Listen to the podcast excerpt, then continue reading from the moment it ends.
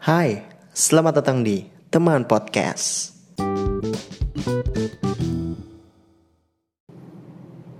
Oke, balik lagi sama gue Kelvin dari Teman Podcast. Eh, kali ini gue nggak bareng temen gue, tapi gue ditemani salah satu pembicara yang cukup ikonik ya.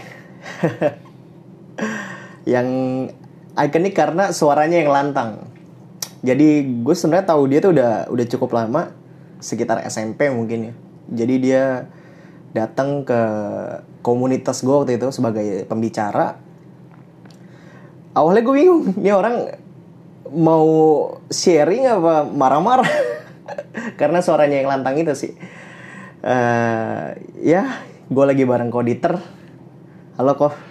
Wih, buset dari SMP ya bro ya? Iya, gue sebenarnya tahu lu udah dari SMP. Tua juga gua berarti. Gimana bro? Apa nih yang bisa kita bahas di podcast nih? Dahsyat. Basa-basi dulu kali ya. Hmm. Apa kabar nih kok? Ya, puji Tuhan ya, baik dalam lindungan Tuhan. Mantap. Mantap. Jadi eh, kesibukannya apa sekarang kok? Sibuk tetap ya melayani, tetap bikin konten, tetap Konten? pokoknya Konten apa tuh kok? konten-konten rohani ya pasti bahas-bahas firman Tuhan, konten-konten sepeda, kayak gitu-gitulah. Oh, Hobi-hobi. oke. Mungkin ada beberapa pendengar gue yang belum tahu nih, eh, lu tuh siapa gitu.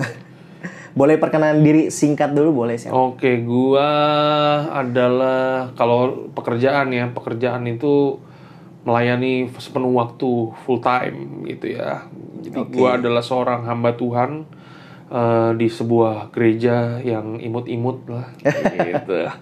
Eh, terus gue punya istri satu, punya anak satu, apalagi ya ukuran kaos double XL, Oh, aduh. ukuran sepatu 44. Kalau teman-teman kepengen tahu aja sih.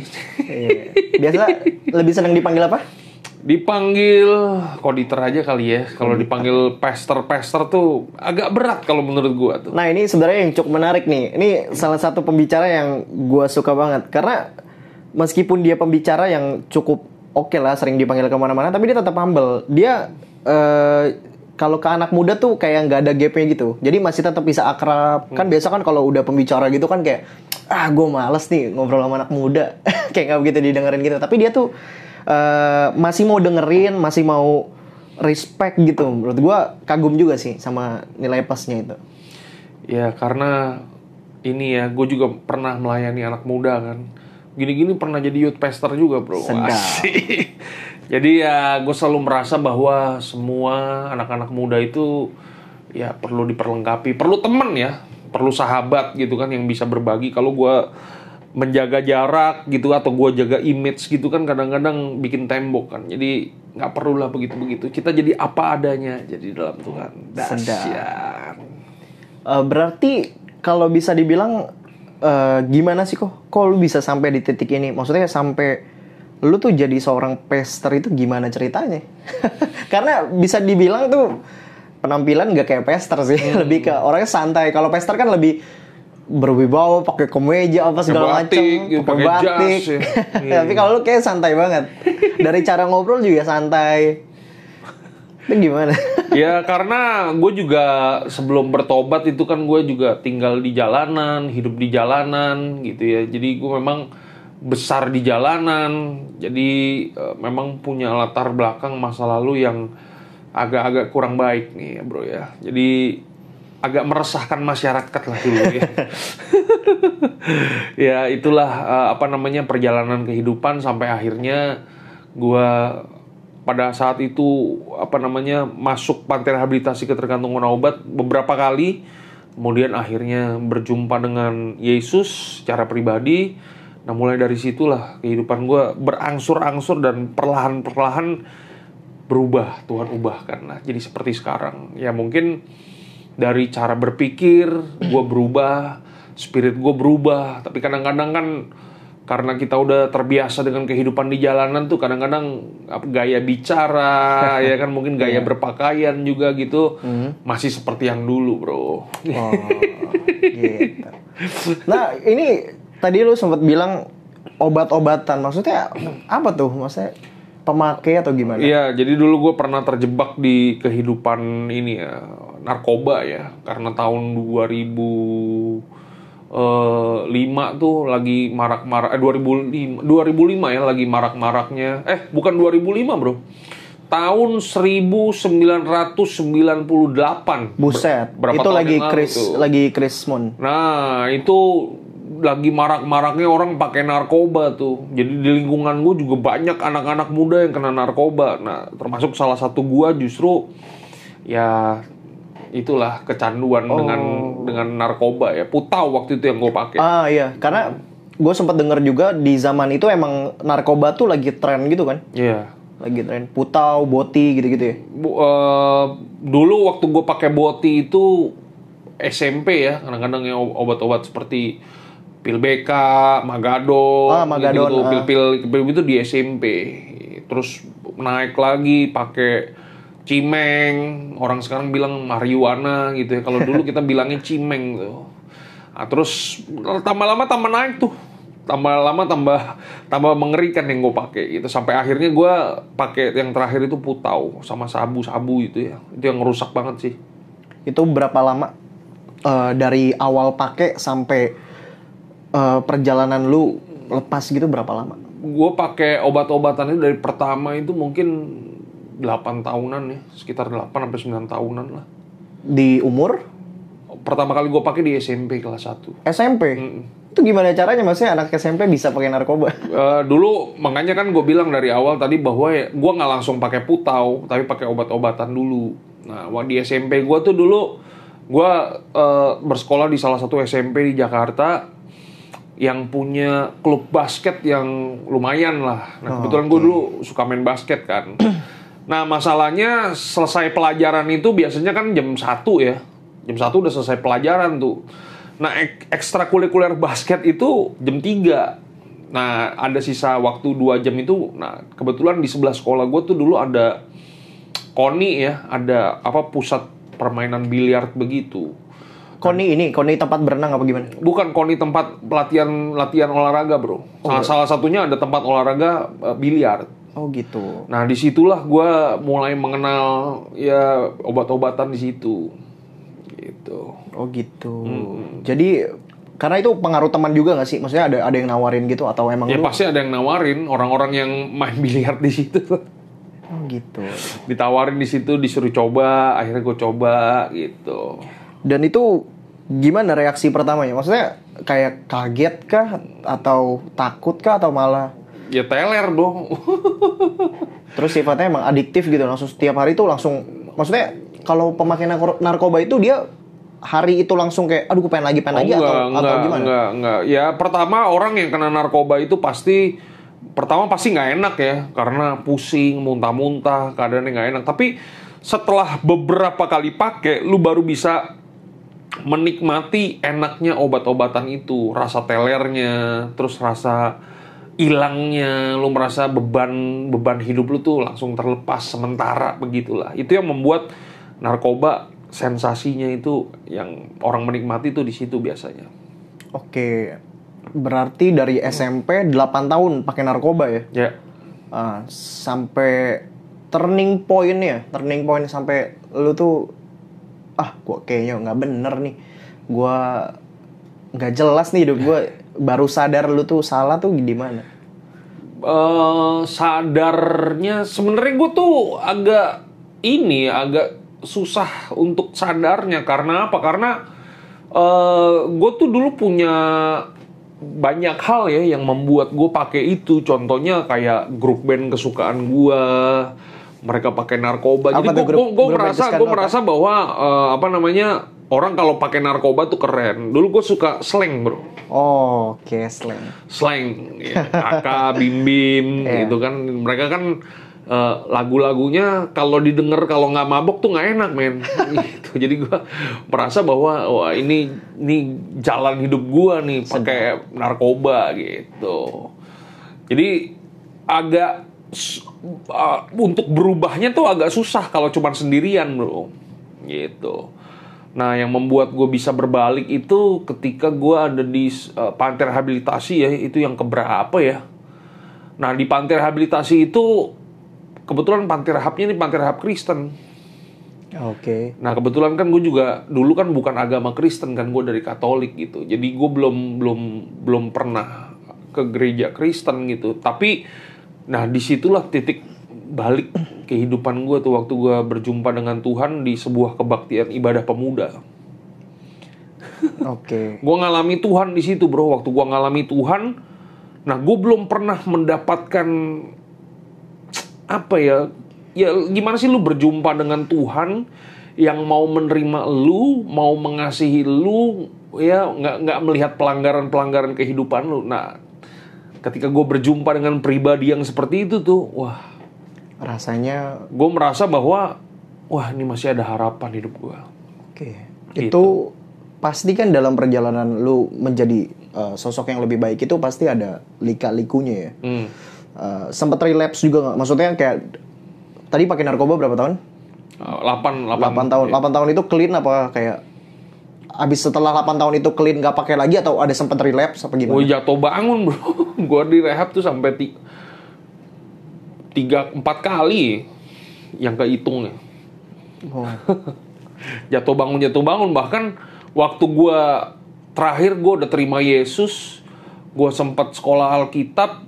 Nah di sekolah Alkitab gue liburan, nah itu gue sempet jatuh lagi malah. Itu udah sekolah Alkitab tuh. Liburan maksudnya liburan di sekolah Alkitab ya. Di sekolah Alkitab kan ada libur kan kayak di kampus biasa gitu.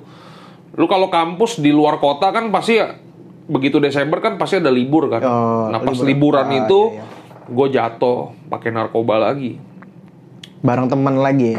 bareng temen lagi. yang notabene emang sama-sama Kristen juga. ya? Mm-mm, Oke gitu. gitu. Terus eh, apa ya? Orang tua tahu tapi Lu tahu bro. gimana? Maksudnya reaksi orang tua tuh gimana? Waktu ngeliat anaknya Wah, waktu pertama kali bo- nyokap bokap gue tahu ya gue pakai narkoba ya pasti inilah pasti kecewa ya kan. Kenapa bisa sampai anaknya nih kecolongan gitu pakai narkoba? Mereka kecewa lah. Kalau lu eh, anak satu-satu, sorry, lu tuh anak satu-satunya atau ada Gue berdua, gue sama adik gue.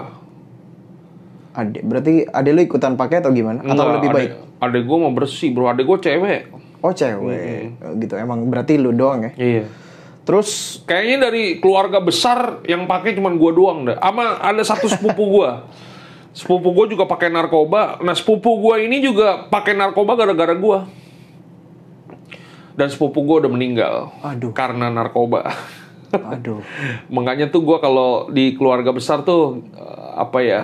Ya kalau gue bisa bisa bertobat hari ini nih, puji Tuhan banget gitu karena karena kenakalan gue tuh sepupu gue sampai meninggal kemarin.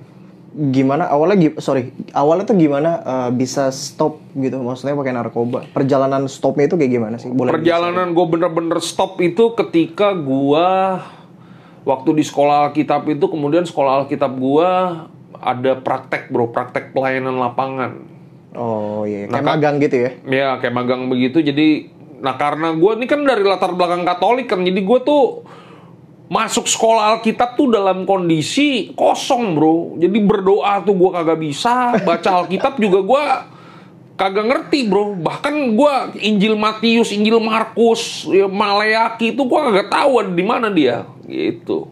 Jadi begitu gue dikasih kesempatan untuk praktek, gue juga bingung mau praktek di gereja mana ini gue kan karena nggak punya pengalaman sama sekali. Nah akhirnya ya, tapi kan kita mesti praktek kan. Akhirnya ya gue ambil keputusan untuk praktek di Kalimantan Barat tuh. Pontianak. D- Dari Pontianak masih 12 jam lagi masuk ke dalam di, Buset, bener pedalaman gitu. di pedalaman Kalimantan ya. Buset. Terus itu jadi apa? Maksudnya di sana tuh ngapain? Nah, gue di sana gue dipercayakan satu gereja kecil. Jadi gue, lu bayangin nih, gue belum bisa berdoa, baca Alkitab masih ngos-ngosan, ya kan? gue disuruh jadi gembala di situ, bro. Jadi langsung tapi orang orang sono maksudnya tahu nggak sih lu tuh eh, baru gitu menurut Nggak tahu, jadi mereka taunya gue dateng ini udah hamba Tuhan aja. Gitu. Jadi ya, justru di situlah gue menemukan apa ya, menemukan kepercayaan diri gue gue menemukan bahwa, wih ternyata nih hidup gue nih masih bisa berguna juga buat orang lain. Karena mereka nggak tahu kan latar belakang gue kan. Itu.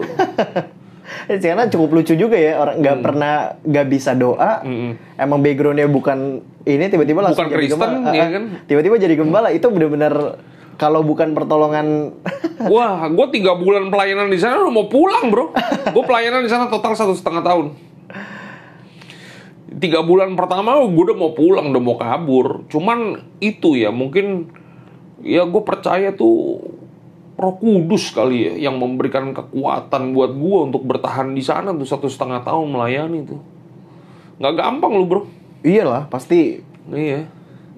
kita iya. Karena gue di sana harus hidup sendiri kan, gue harus gue harus cari duit sendiri, gue harus apa namanya mencukupi kehidupan gue sendiri.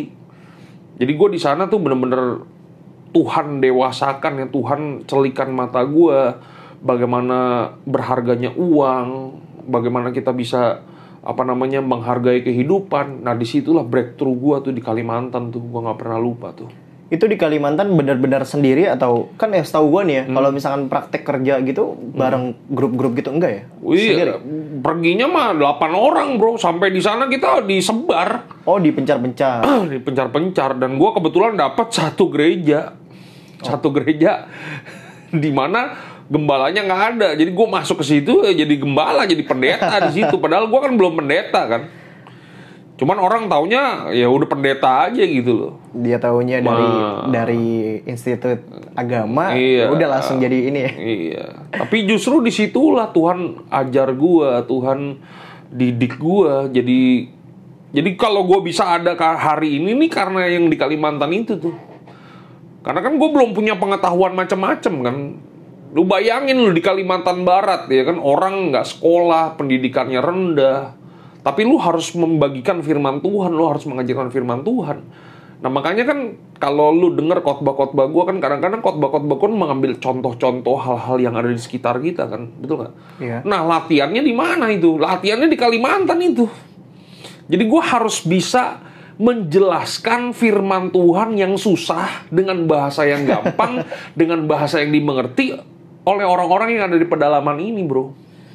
Itu berapa lama di Kalimantan? Satu tahun setengah gue. Satu tahun setengah. Iya. Oke. Tapi itu, eh, nah kan tadi lu bilang background lu bukan orang Kristen. Hmm. Nah gimana cara lu ngajar ini ya? Maksudnya kan lu nggak tahu apa maksudnya eh, materinya itu lu tahu sendiri apa gimana? Oh enggak, jadi gua nah kalau teman-teman tahu ya, zaman dulu tuh sebelum ada Alkitab di di handphone kita, zaman dulu tuh ada sebuah buku yang namanya buku konkordansi. Nah, buku konkordansi ini apa? Ini sebuah buku di mana tema-tema Alkitab ayat-ayatnya tuh dijadiin satu dalam buku itu. Contohnya, lu mau cari hal tentang doa, lu tinggal cari aja tentang doa. Nah, begitu ada doa, nah Alkitab itu kasih tahu ayat-ayatnya ada di mana. Oh gitu. Nah, itu mempermudah gua tuh untuk bisa menyampaikan firman Tuhan, untuk bisa mengajar firman Tuhan kepada jemaat-jemaat yang ada di Kalimantan ini, gitu. Lu bayangin lu selama satu tahun setengah, gua harus berkhotbah seminggu tuh empat kali. Dan itu seminggu empat kali. Seminggu empat kali, Pan- setahun setengah. Panduannya itu berdasarkan buku atau gimana? Berdasarkan buku itu. Nggak kehabisan akal apa maksudnya? Aduh, gue minggu depan mau kasih bahan apa ya? Oh, banyak bro bahannya mah. Oh gitu, bahannya banyak. Bahannya banyak. Ya kan tinggal bagaimana kita kreativitas lah ya kan dan gue percaya juga Tuhan menuntun kita lah ya kan kita berdoa juga minta tuntunan Tuhan juga apa yang disampaikan ya kan kita lihat fenomena-fenomena kehidupan jemaat di situ apa yang penting buat mereka gitu. Nggak nggak akan kehabisan sih kalau menurut gua. Oh, buktinya gue bisa. Setahun empat kali bro. Jadi hari Kamis itu eh, kebaktian rumah tangga.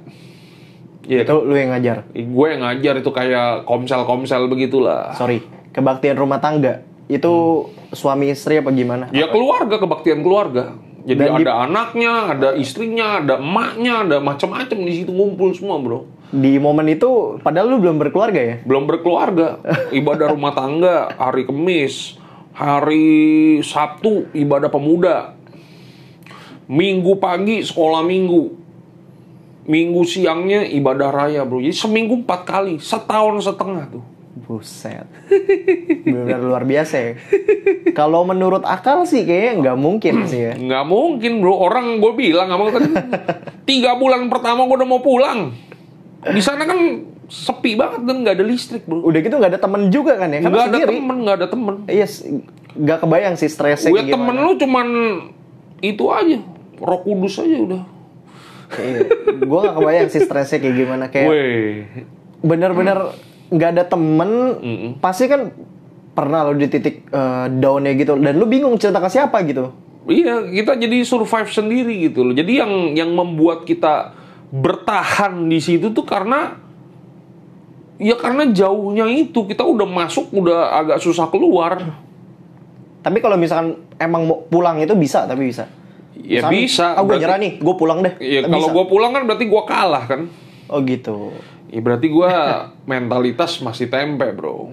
Oke. Gitu. Tapi gue mau membuktikan gitu kan sama teman-teman gue. Gue ingin membuktikan juga sama dosen-dosen gue yang lain bahwa ya gue bisa gitu. Dan gue selesaikan semuanya bro.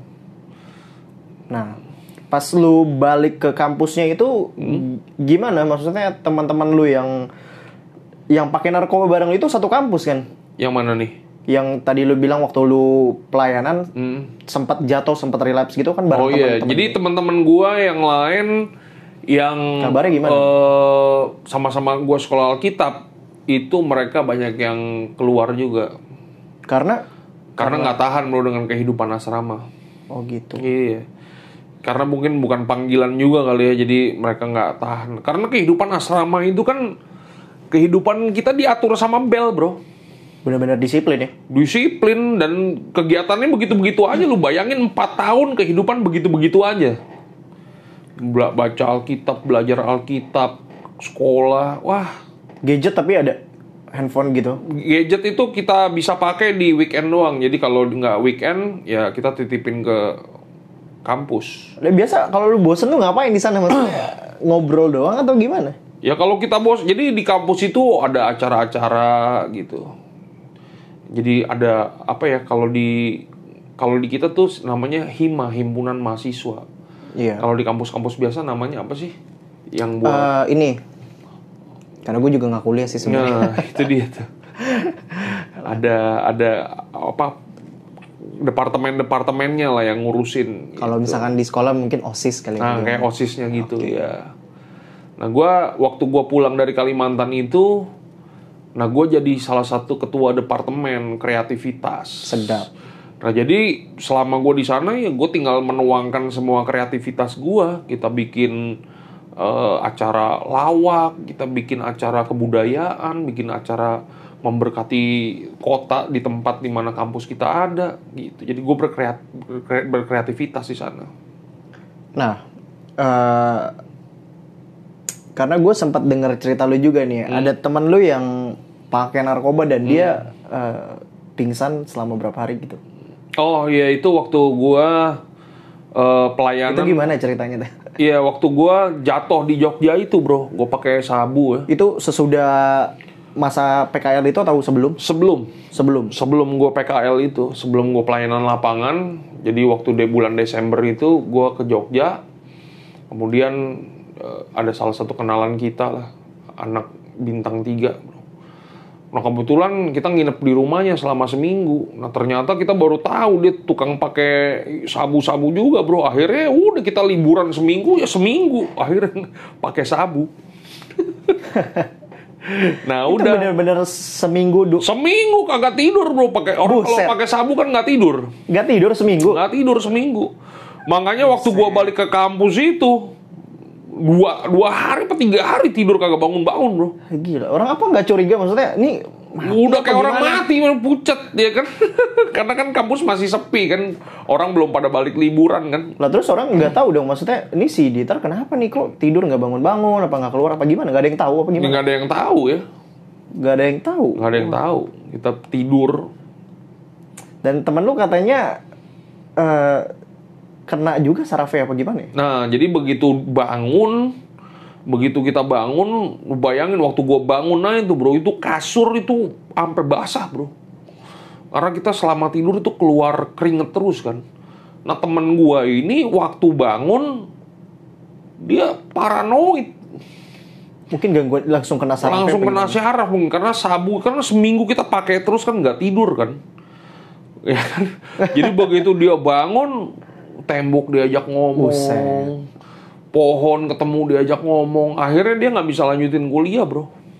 Aduh, Itu yang terjadi sih. sedih banget ya. Iya, makanya ke gua masuk eh, STT itu ada empat pasien ya, empat pasien narkoba dan ada tiga mentor bro. Tiga mentor yang nemenin kita kuliah. Nah yang bertahan sampai hari ini melayani cuman gue sama mentor gue yang sekarang ada di Salatiga Oh, yang masih melayani sampai hari ini. Yang lain udah pada game over. terus eh, pasti di perjalanan perjalanan hidup lu itu ya dari yang tadi ya negatif Mhm. terus ke positif gitu pasti ada orang yang kayak ah nih dia siapa sih dia tuh si Dieter tuh biang masalah gitu maksudnya ada yang nganggep rendah gitu terus lu tuh gimana maksudnya Ng Iya. ngelihatnya tuh kayak gimana dan respon lu gimana sama orang-orang yang ngerendahin kayaknya dia nggak mungkin bisa nih Iya, bahkan bukan dulu ya, sampai sekarang juga banyak yang ngerendahin gue, bro. oh gitu Gitu kan, cuman ya sekali lagi bahwa ini prinsip gue, kalau kita tidak hidup dengan pujian manusia, kita nggak akan mati dengan kehinaan mereka, bro. luar biasa Kita nggak akan mati nanti di dengan nih sama iya, pendengar kita nggak akan mati dengan cibiran mereka, gitu kan. Jadi kita mesti tahu kebenaran ini bahwa ya lu hidup dari apa kata Tuhan, bukan apa kata orang. Jadi ya ada orang yang mencibir gua ya kita nggak usah tanggapi, kita kasih lihat aja dengan prestasi kita, kita kasih lihat dengan buah pelayanan kita, ya kan kita kasih lihat dengan apa yang kita kerjakan. Itu udah cukup menjawab mereka yang mencibir kita. Jadi nggak perlu dibales yang begitu-begitu mah, karena akan selalu ada orang yang nggak seneng sama lu. Lu mau bagi-bagi duit bro satu dunia lu bagi duit, lu bagi duit kan baik, betul nggak? Betul nggak? Ya tetap aja akan ada orang-orang yang nggak seneng sama kita, akan ada orang-orang yang mencibir kita. bakalan cari celah ya buat ini. Iya. Terus kalau kita dicibir terus kita bereaksi gimana? Oh kalau gitu gua nggak usah berbuat baik lagi deh. Enggak dong. Iya kan, apa pun yang terjadi, ya kita harus tetap apa yang Tuhan mau dalam kehidupan kita. Jadi apa pun masa lalu kita, apa pun yang pernah kesalahan-kesalahan yang kita kerjakan, itu tidak menentukan masa depan kita. Iya kan? Masa depan kita tergantung dari apa kata Tuhan. Makanya Alkitab ngomong kepada kita kan, masa depanmu ada dan pengharapanmu tidak akan pernah hilang di dalam Dia. Luar biasa. Keren, keren, keren. Gitu. Gue cukup terberkati dari cerita yang lo sampein. Eh, terakhir, Hmm. kalau misalkan lu lihat lu yang muda gitu, lu mau ngomong apa sih? Kalau gue melihat gimana, gue yang muda. Ah, ah, lu mau ngomong apa dan lu juga pengen titip pesan apa buat teman-teman pendengar gitu? Oh, jadi kalau gue melihat gue di masa lalu gitu ya. Iya, kalau misalkan lu dikasih kesempatan ketemu sama lu yang di masa lalu. Gue kalau berjumpa dengan gue yang di masa lalu, gue akan berkata bahwa, hey, Sedap. lu punya apa apa yang lu kerjakan hari ini itu eh ini sebuah perjalanan kehidupan yang harus lu lalui gitu. Jadi bahwa ketika lu berada di dalam lembah kekelaman tidak selamanya hidup kita ada di lembah kekelaman. Ini hanyalah sebuah proses kehidupan. Dan di dalam Tuhan apa pun betapa kelamnya masa lalu kita Tuhan bisa ubahkan Tuhan bisa pakai kita jadi apa aja gitu jadi jangan pernah menyerah dengan kehidupan dan buat teman-teman para pendengar podcastnya Kelvin nih ya pesan gue adalah ya lu harus apa namanya melihat diri lu itu seperti Tuhan memandang hidup lu bahwa Tuhan memandang kehidupan lu tuh lu bukan orang yang gagal, bukan orang yang hina, ya kan? Tuhan memandang lu itu dahsyat luar biasa. Karena Tuhan nggak pernah ciptakan kita ecek-ecek dan receh, bro. Tuhan ciptakan kita spesial. Oleh sebab itu, temukan pribadi kita, temukan kehidupan kita, apa yang terbaik dari dalam kehidupan kita yang bisa kita kerjakan selama kita hidup di dunia ini. Itu aja sih. Luar biasa. Ini nggak cuma uh, jadi berkat buat teman-teman pendengar, buat gue pribadi ini menguatkan sekali. Terima kasih kok atas waktunya. Siap. Gue senang banget boleh dapat kesempatan ngobrol bareng lu dan pastinya teman-teman juga bakalan senang banget. Semoga teman-teman pendengar bisa dapat poin-poin pentingnya yang bisa jadi rema dalam hidup lu ya. Pokoknya buang yang buruk, ambil yang baik. Sedap. Kayak Ari Lasso. Asik. Oke, terima kasih cukup segi, cukup sekian ya. Eh, intinya gitu, apa yang udah disampaikan kita ambil baiknya ya. Hmm. Terima kasih dan jangan lupa tetap sehat semuanya, jaga diri kalian di mana pun kalian berada. Eh, tetap dengerin teman podcast. Sekian di mana pun dan kapan pun bareng teman aja. Terima kasih. See you. Mantap. God bless you semua. Tuhan berkati.